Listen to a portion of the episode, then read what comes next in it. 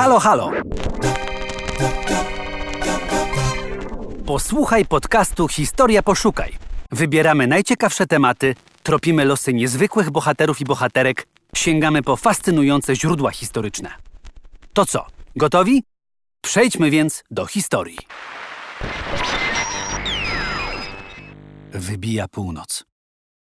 Na zamku w kurniku kobieta w pięknej sukni schodzi z obrazu i udaje się na taras. Spotyka się z rycerzem na czarnym koniu i do świtu krąży z nim po ogrodzie. Poznaj historię Białej Damy, najsłynniejszego ducha XVIII-wiecznej przedsiębiorczyni z Wielkopolski. Przedstawienie Teofilii Działyńskiej w jasnej sukni i ciemnym płaszczu to typowy portret reprezentacyjny. Dama trzyma wachlarz. U jej stóp widoczna jest książka, a elementy w tle wskazują na arystokratyczną pozycję. Architektura i pejzaż podkreślają, że posiada ona rezydencję, ogrody, ziemię. Ceniąca sobie niezależność Teofila, po pierwszym rozwodzie w 1754 roku nie zdecydowała się już na kolejne małżeństwo. To właśnie w tym czasie powstał słynny portret wiszący dziś w Kurnickim Zamku. Teofila z Działyńskich była niezwykłą kobietą. Posiadała wiele dóbr i sprawnie zarządzała swym majątkiem.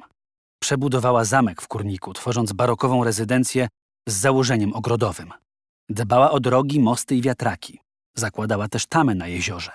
Stworzyła w Kurniku manufakturę płócienniczą i prowadziła hodowlę jedwabników.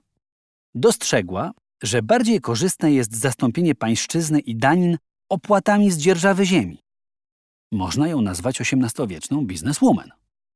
Do swoich posiadłości sprowadziła protestanckich kolonistów niemieckich nazywanych Olendrami i ufundowała w Beninie zbór luterański. Z tego powodu, a także za popieranie Żydów, zarzucano jej wspieranie innowierców. Jednakże według legendy jej duch nie może zaznać spokoju z innego powodu. Od czasów średniowiecza znajdowała się w Kurniku siedziba rodu Górków. Po nich pozostał zameczek myśliwski.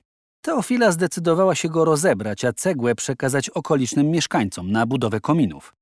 Miały one zapobiegać pożarom. Wedle lokalnej tradycji w zameczku były zgromadzone...